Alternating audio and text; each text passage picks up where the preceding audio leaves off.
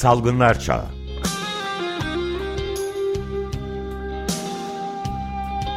Pandemide Sağlık.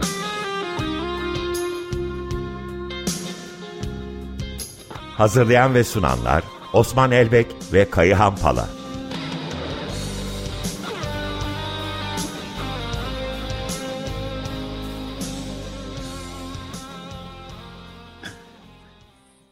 Günaydın Osman Bey, günaydın Kayan Bey.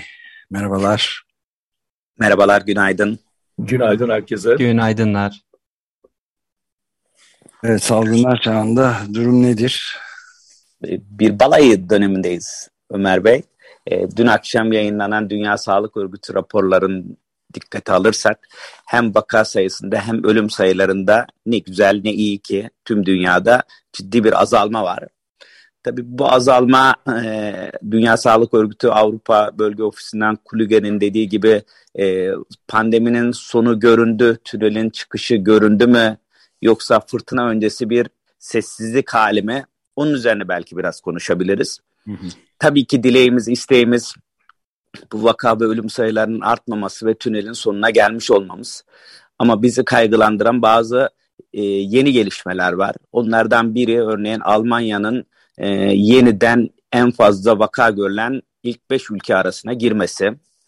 Avrupa'ya birazcık daha yakından bakarsak geçtiğimiz haftada 1.2 milyon yeni vaka saptandı. E, ama bizi daha rahatsız eden 5 ülkede %20'den daha fazla oranda bir vaka sayısında artış var. Örneğin John Hopkins verilerine göre bu artış oranları Avusturya, Avusturya'da %54, Almanya'da %42, Hollanda'da %39, Danimarka %38, İtalya, Fransa'da %30'lara ulaştı. Yani sanki Avrupa'da yeniden bir vaka sayılarında çok anlamlı düzeyde bir artış var. Bu yeni bir varyantın yeni bir dalgası mıdır diye e, ciddi düzeyde kaygılanmak lazım. Bunun anlamı şu 4 hafta sonra da bu dalga eğer gerçekleşirse Türkiye'yi vuracak demektir. Türkiye'de e, veriler 12-18 Eylül tarihi itibariyle en son yayınlandı. E, oldukça e, resmi verilerimiz iyi. Günlük 3000 civarında hastaya düşüldü. E, günlük e, vefat sayılarımız 10. Tabii bu bir başka bakış açısıyla bakarsak 29 Ağustos'tan beri resmi olarak 300 civarındaki insanı 300 kişiyi e, kaybettik. E, aşılamada istediğimiz noktalarda değiliz veya en azından bizim arzu ettiğimiz noktalarda değiliz. İkinci doz aşımız %64'lerde, üçüncü doz %34'te, dördüncü ve beşinci doz %15'te. E, aşılama miktarında da oldukça düştük. Örneğin son haftada günlük 7 bin civarında aşı yapıyoruz. E, bunlar bizim açımızdan yeni varyantlar açısından problem yaratabilir. E, bu arada e, mutlulukla bir haber vermek isterim. 26 Eylül'de Infectious Disease Clinical Microbiology'de Yeşim Tujji Tok ve arkadaşlarının e, ülke verileri yayınlandı. Daha doğrusu hastane verileri İstanbul Üniversitesi Cerrahpaşa Fakültesi'nin varyant verileri yayınlandı. E, ne iyi ki bu araştırmalar sayesinde e, bakanlıktan edinemediğimiz bilgileri alabiliyoruz. E, gördük ki 23 Aralık 2021'de BA1 varyantı, omikron BA1 varyantı Türkiye'de egemenmiş. BA2 varyantı 19 Ocak'ta 2022'de ilk tespit edilmiş ve Mayıs piki buna bağlıydı. BA5 ise 5 Mayıs 2022'de ilk kez izole edilmiş Cerrahpaşa'da ve Temmuz pikini de BA5'te tarifledik. E, Kayağına sözü bırakmadan önce bir varyant hatırlatması yapmak isterim. Hem BA5 hem BA2 yeni alt varyantlara kırılıyor dünyada. Bunların içerisinde de en bizi rahatsız eden BA2.75. E, bu varyant Hindistan'da ilk tanımlanmıştı. Ama bugün itibariyle bugüne kadar e, SARS-CoV-2'nin en dirençli varyantı olduğunu görüyoruz. Monoklonal antikor gibi tedavilere dirençli bir varyant. Bulaşmasında azalma olmuyor aşıdan kaçma, aşıya direnme kapasitesinde giderek artış var e, SARS-CoV-2 virüsünün evrimsel sürecinde. Tabii bu varyant dünyada BA5'in yerine BA4'ün yerine geçer ise gerçekten sonbaharda griple de birlikte ikili bir salgın yaşama ihtimalimiz var. O yüzden bugünkü balayı e, kötü bir finalle sonula sona erebilir. E, toplumların iyiye arzulamasını anlayabilirim ama kötüye uygun bir sağlık politikası şekillendirmesi gerektiğini düşünürüm. Ne dersin Kayan? Çok haklısın Osman. Özellikle bu yeni omikron suçları, endişe verici varyantlar e, ciddi bir problem yaratma potansiyeli taşıyor. Senin de söylediğin gibi özellikle artık BF7 diye olarak da adlandırılan bu BA275.2 son yıllarda, son aylarda doğrusu e, çok ciddi endişe yarattı. Çünkü önce Hindistan'da karşımıza çıkıyordu. Hatırlarsan biz bunu bir önceki programda da dile getirmiştik. Hindistan'a dikkat etmek gerekir diye.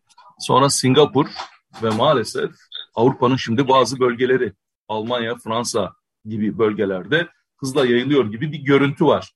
Üstelik BA5 ile kıyaslandığında senin de vurguladığın gibi çok daha ciddi bir şekilde bağışıklıktan kaçan bir evrimleşme modeli olarak karşımızda. Bir de son e, birkaç haftadır sen de biliyorsun bu BQ11 adı verilen ve henüz antikorlardan kaçma yeteneğinin yüksekliği dışında hakkında pek fazla bir şey bilinmeyen yeni bir endişe verici alt varyant da var. Bunları bir araya getirdiğimizde gerçekten de eğer Avrupa'daki yayılma sürecek olursa bunun ülkemize gelmesi de kaçınılmaz. Bu durumda bu yılın son çeyreğinde ve gelecek yılın ilk çeyreğinde yeni bir COVID-19 dalgası karşımıza çıkabilir gibi görünüyor. Üstelik daha önce de vurguladığımız gibi bu eğer influenza griple de buluşacak olursa bir ikiz pandemi diye adlandırılan tablo karşımıza çıkabilir. Osman bu grip aşısı demişken sen dinleyicilerle bu grip aşısı maceranı paylaşır mısın? Bence çok önemli. Üstelik e, Sağlık Bakanlığı'nın ne kadar bu alanda e, iyi çalıştığını gösteren bir deneyim yaşadın zannediyorum. E, evet, e, grip aşısını hani herkese öneriyoruz. Tabii risk grupları öncelikli olmak üzere bir önceki programımızda da vurgulamıştım.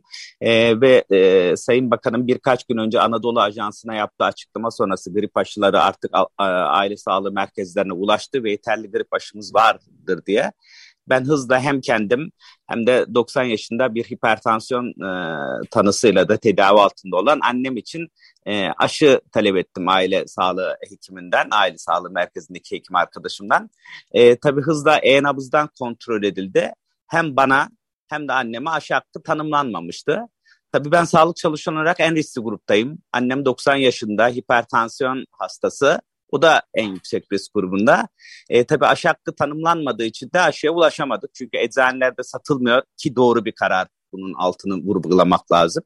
E, bunun üzerine de ben hızla Sayın Bakan'a e, Twitter'dan sordum. Yani ben bir göğüs hastalıkları uzmanıyım. Annem de 90 yaşında hipertansiyon hastası. Aşı hakkımız yok grip aşısından. Hani bu bilimsel değil nasıl izah ediyoruz ve ne zaman ulaşacağım? Hızla Sağlık Bakanlığı'nın yetkilileri döndü. Ee, ilk açıklama şey oldu. E-nabzınızı düzen, düzenli kontrol edin. Çünkü peyderpey açılacak. Açılacak grupların birinde muhtemelen göreceksiniz diye. Tabii bu ilginç 90 yaşındaki bir insana açılmamışsa hani kime açıldı sorusu otomatikman geliyor. Anladım ki e, hem 65 yaş üstünde olmak hem de birden fazla risk grubu olanlara aşı hakkı tanımlanmış gibi e, etrafındaki çıkan hastalardan anladım. E, sonra e, bunu da paylaştıktan sonra bakanlık tekrar döndü. Annemin TC kimlik numarasını aldı ve bu sabah itibariyle aşı hakkı tanımlandı. Şimdi tabii bu bireysel çözümlerle gitmememiz lazım. Bilim çok açık diyor ki 65 yaş üstünde kronik hastalığı olan sağlık çalışanları, itfaiye, polis gibi kolluk kuvvetlerine grip aşısı öncelikli risk gruplarıdır. Çocuklar dahil olmak üzere. Eğer yeterli grip aşımız var ise hani hızla peyderpey değil açıp çok hızlı bir aşılama yapmak lazım. Çünkü ben gelecek dalgadan gerçekten korkuyorum. Avustralya örneğini düşündüğüm zaman e, bireysel çözümlere gitmemek lazım ama bir taraftan da bu ülkede hani inatla hakkın peşine düşmek gerektiğini düşünüyorum.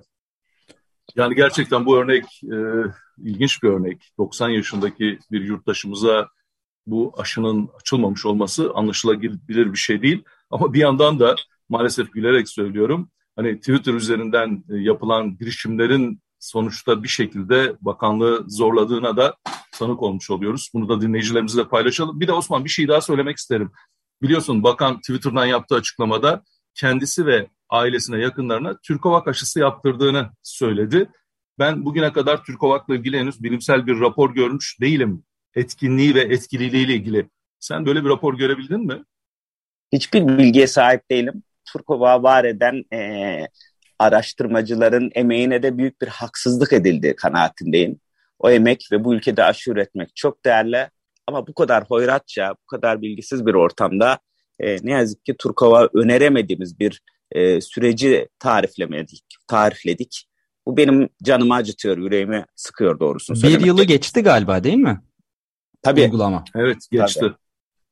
Çok da evet. uzun bir zaman yani. Çok uzun yani dünyada zaman. başka tanıyan bir ülke yok bildiğim kadarıyla. Bizdeki acil kullanım onayının nasıl verildiği konusu da belirsiz. Çünkü e, dünyaya olmadı. gönderdiğinden de söz ediyordu sanki Cumhurbaşkanı. Afrika'ya gönderdiğine ilişkin bazı bilgiler var gerçekten ama bir de yani Türkiye acil... Cumhuriyetleri, Azerbaycan. Evet, evet, evet, evet.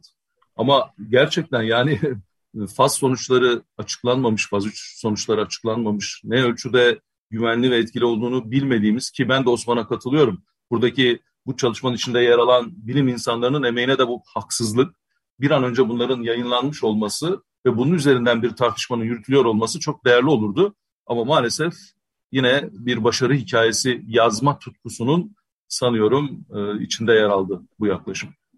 Aşılar demişken 16 Eylül'de ne biz de Turkova bir yıldır açıklayamadık ama e, Moderna yeni bivalent omikron mRNA aşısının faz 2 ve faz 3'ünü yayınladı. E, ve omikron yeni varyantı e, eklenmiş Moderna aşısının bir önceki Moderna aşısı kadar güvenli olduğunu, yan etkilerinin benzer olduğunu, ağrı, yorgunluk, baş ağrısı, kas ağrısı ve eklem ağrısının en fazla saptandığını ama immünolojik yanıtın yani virüsü öldürebilme kabiliyeti olan antikor üretiminin eski ve, ve e, versiyona göre çok daha etkili 1.75 kat omikrona daha etkili olduğunu ortaya koydu. Hani araştırmalar toplumsal e, öneriyi şekillendiriyor. O yüzden de mRNA aşılarını öneriyoruz. mRNA firmalarıyla herhangi bir ilgimiz yok. Ama araştırma sonuçlarını söylemek bizim bilim insanı olarak herhalde namusumuz olsa gerek.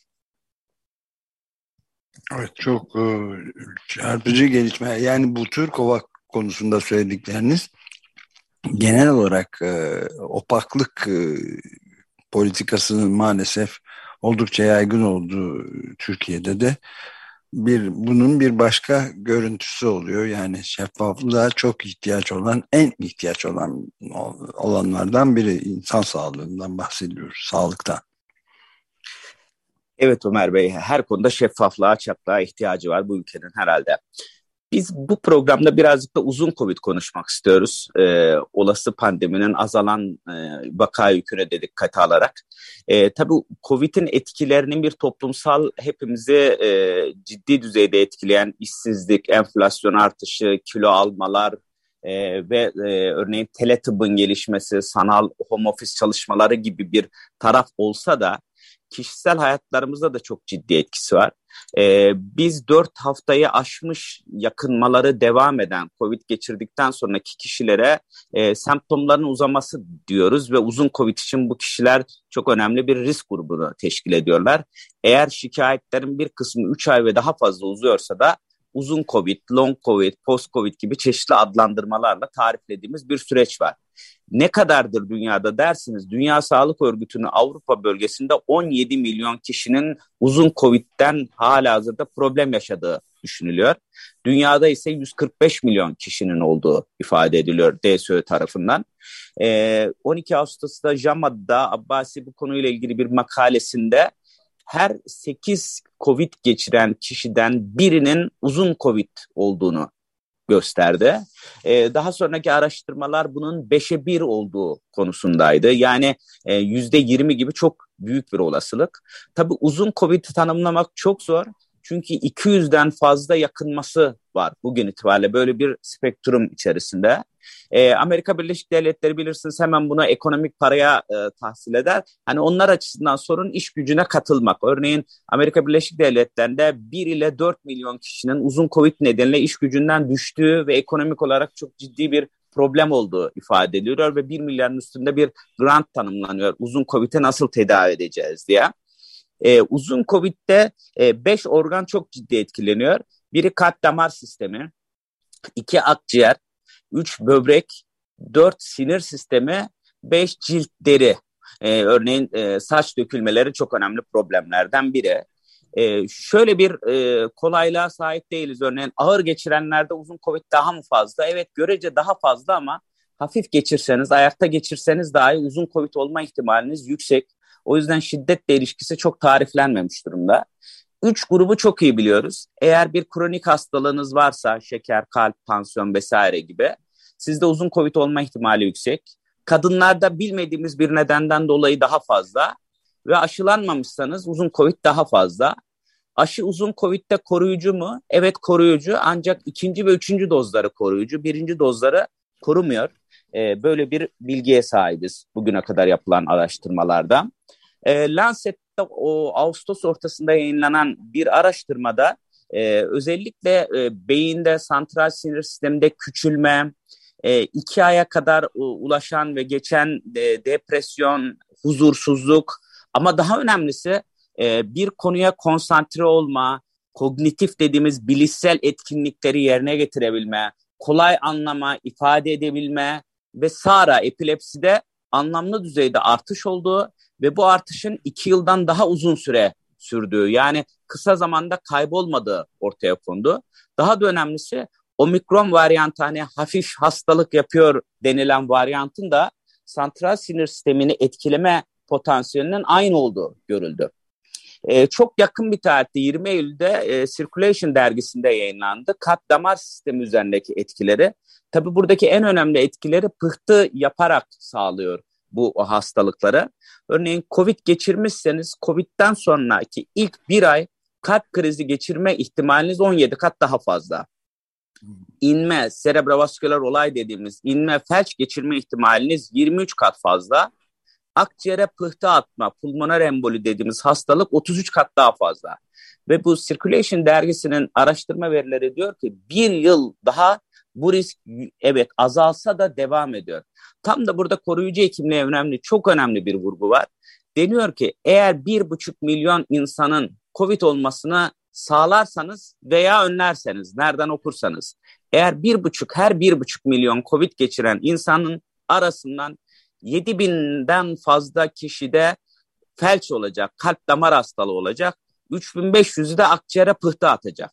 Başka bir ifadeyle eğer COVID'in yaygınlığını engellerseniz halk sağlığı tedbirleriyle siz 7 bin küsür insanı işte bir kalp krizinden, bir inmeden önleyebilirsiniz. 3500'üne ölümcül olan akciğer pıhtı atmasından, pulmoner emboliden önleyebilirsiniz. Hani bunlar için illa tedavi değil, koruyucu hekimliğiniz size bu hastalıkların gelişimini de önleyecektir ki bu hastalıkların bir kısmı tedaviye rağmen ölümcül.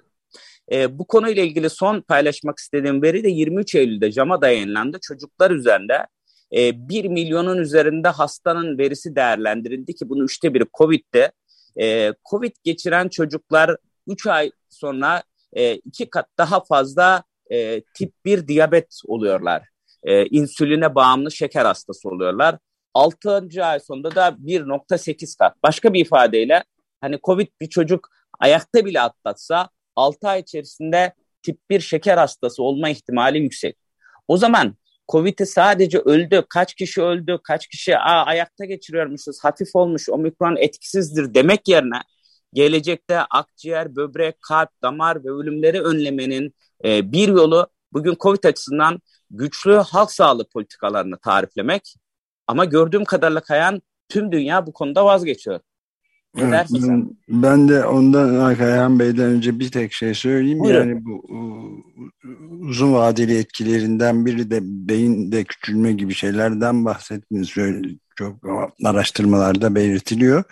Ve koku alma duygusunun da uzun süre, yıllarca e, kaybolduğunu gösteren bazı vakaları da biliyorum ben. Kesinlikle öyle. Kesinlikle öyle gerçekten. Evet, çok ciddi e, sonrasında etkileri olan bir hastalıktan söz ediyoruz aslında. Osman istersen bu 14 Eylül'de Lancet'te çıkan çok geniş kapsamlı makaleden biraz söz edelim. Çünkü senin soruna aslında orada yanıt verilmiş ama çözüm konusunda çok da güçlü bir çözüm önerildiğini söylemek mümkün değil. Lancet'te, Lancet Komisyonu tarafından yayınlanan 14 Eylül'deki geniş kapsamlı makalede bu COVID-19 pandemisi değerlendirildi. Buna göre işte resmi olarak bildirilen 6.9 milyon ölümün yanı sıra tahmin edilen ölümün bunun yaklaşık 3 katı olduğu 17,2 milyon kadar ölüme yol açtı şimdiye kadar. E, Haziran öncesinden söz ediyorum. Belirleniyor. Bu arada bir parantez açayım. Yani pek konuşmadığımız bir şey var. Pandeminin görünmeyen etkilerinden bir tanesi de yetim kalan çocuklar. Örneğin Amerika'da CDC en az bir ebeveyni kaybeden çocuk sayısını 120 bin, ikisini birden kaybeden çocuk sayısını ise 22 bin olarak açıklamış ki biz Türkiye'de bu rakamları bilmiyoruz. Şimdi Lancet Komisyonu diyor ki bu küresel bir başarısızlıktır. Çok sayıda hükümet bir kurumsal rasyonellik gösteremedi, şeffaf davranmadı, temel normlara bağlı kalmadı. Üstelik çok sayıda insan maalesef yanlış bilgilendirmeden etkilendi, temel halk sağlığı önlemlerine uymadı, saygısızlık gösterdi ya da dünyanın değişik yerlerinde protesto etti. Aşılarda karşımıza geldiği gibi ve en önemli nedenlerden birisi olarak da Lancet Komisyonu diyor ki dünyanın büyük güçleri pandemiyi kontrol etmek için işbirliği yapmadı. Bu arada bir yine parantez açayım. Geçtiğimiz hafta İzmir'de yapılan Avrupa Konseyi Parlamenterler Meclisi Sosyal İşler, Sağlık ve Sürdürülebilir Kalkınma Komitesi toplantısında da bu ele alındı. Ben de davet edilen uzmanlardan bir tanesiydim. Burada teşekkür edeyim Selin Sayık Böke bu komisyonda çok önemli bir işlev yürütüyor. Komisyonda da bu konu tartışıldı ve uluslararası halk sağlığı acil durumlarına etkili yanıt vermek için ne yapılması gerektiğine ilişkin bir çerçeve çizildi. Dünya Sağlık Örgütü'nün işlevi de bunun içinde olmak üzere. Yine Lancet makalesine dönecek olursak, makalede özellikle son bölümde bazı öneriler de sunuluyor. Bu açıdan makale çok değerli. Diyorlar ki Dünya Sağlık Örgütü merkezinde çok taraflı işbirliğini güçlendirelim. Ulusal sağlık sistemlerini güçlendirelim ve dünyanın düşük gelirli bölgeleriyle e, yüksek gelirli bölgeleri arasında bir dayanışma kurarak uluslararası finansman ve teknolojik işbirliği sağlayalım. Böylece sağlık krizlerine gelecekte daha fazla hazırlıklı olabiliriz. E, buna dönük yatırımlar yapılmalı, buna dönük politika önerileri sunulmalı. En temel tavsiye çok taraflının tüm önemli boyutlarda siyasi, kültürel, kurumsal ve finansal olmak üzere güçlendirilmesi. Ve şöyle bir cümlesi var e, makale yazanların. Tüm ülkeleri özellikle en zenginleri ve en güçlüleri Birleşmiş Milletler sisteminin çalışmalarını desteklemeye, Dünya Sağlık Örgütü başta olmak üzere sürdürmeye ve güçlendirmeye çağırıyoruz diye. Ancak Osman bu makalede temel sorun göz ardı edilmiş. Hiçbir kapitalizm eleştirisi yok. Patent ile sınırlı olmayan politikalara gereksinim duyulduğunu bir kez daha söylemem gerekir. Bu arada bu makaleden yola çıkarak e, sevgili e, meslektaşımız Ahmet Soysal e, Yeşil Gazete'de bir makale yayınladı ve o makalede de deniyor ki pandemi dünyayı aslında Paris İklim Anlaşması gündeminden de uzaklaştırdı. Zaten bu bir buçuk derece eşiğiyle ilgili sıkıntılar vardı. Ömer Bey siz bunu çok sıklıkla gündeme getiriyorsunuz e, haklı ve doğal olarak. Ama pandeminin ayrıca bunu zorlaştıran bir etkisinin olduğunu da bu e, vesileyle vurgulamış olalım. Evet bunun hayati önemi var. Daha bugün e, sözünü ettiğimiz bir şey vardı. Boşa geçen uçuşlarla muazzam bir katkıda bulunmuşlar. Mesela atmosfere sera gazlarının yayılmasında pandemiden bir istifade yani gerekli olmayan uçuşların da sayısı muazzam miktarda artmış. Mesela Britanya'da. Evet. evet. E, programın sonuna doğru geldik. E, bugünlerde herhalde hepimizin kalbi İran'da kadınlarla birlikte artıyor, atıyor. E, o yüzden de program şarkımızı Nesimi'den seçtim. E, Nesimi diyor ya arzu namus şişesini taşa çaldım kime ne? Ne yediğimize, ne içtiğimize, ne konseri dinlediğimize kimsenin karışmayacağı kime ne demeye istedim. E, bu arada İran'ı ve melamileri hatırlamak gerektiğini vurguluyorum. Bir ismi daha hatırlayarak o yüzden e, Ruhisu'dan dinlemek istedim. 20 Eylül'de Ruhisu'yu kaybetmiştik 1985'te geçtiğimiz hafta onun anısı önünde saygıyla ve İranlı kadınlarla dayanışarak bugünü kapatmak istedim. Hoşçakalın. Çok teşekkür ederiz. Hoşçakalın. Hoşçakalın. Görüşmek üzere.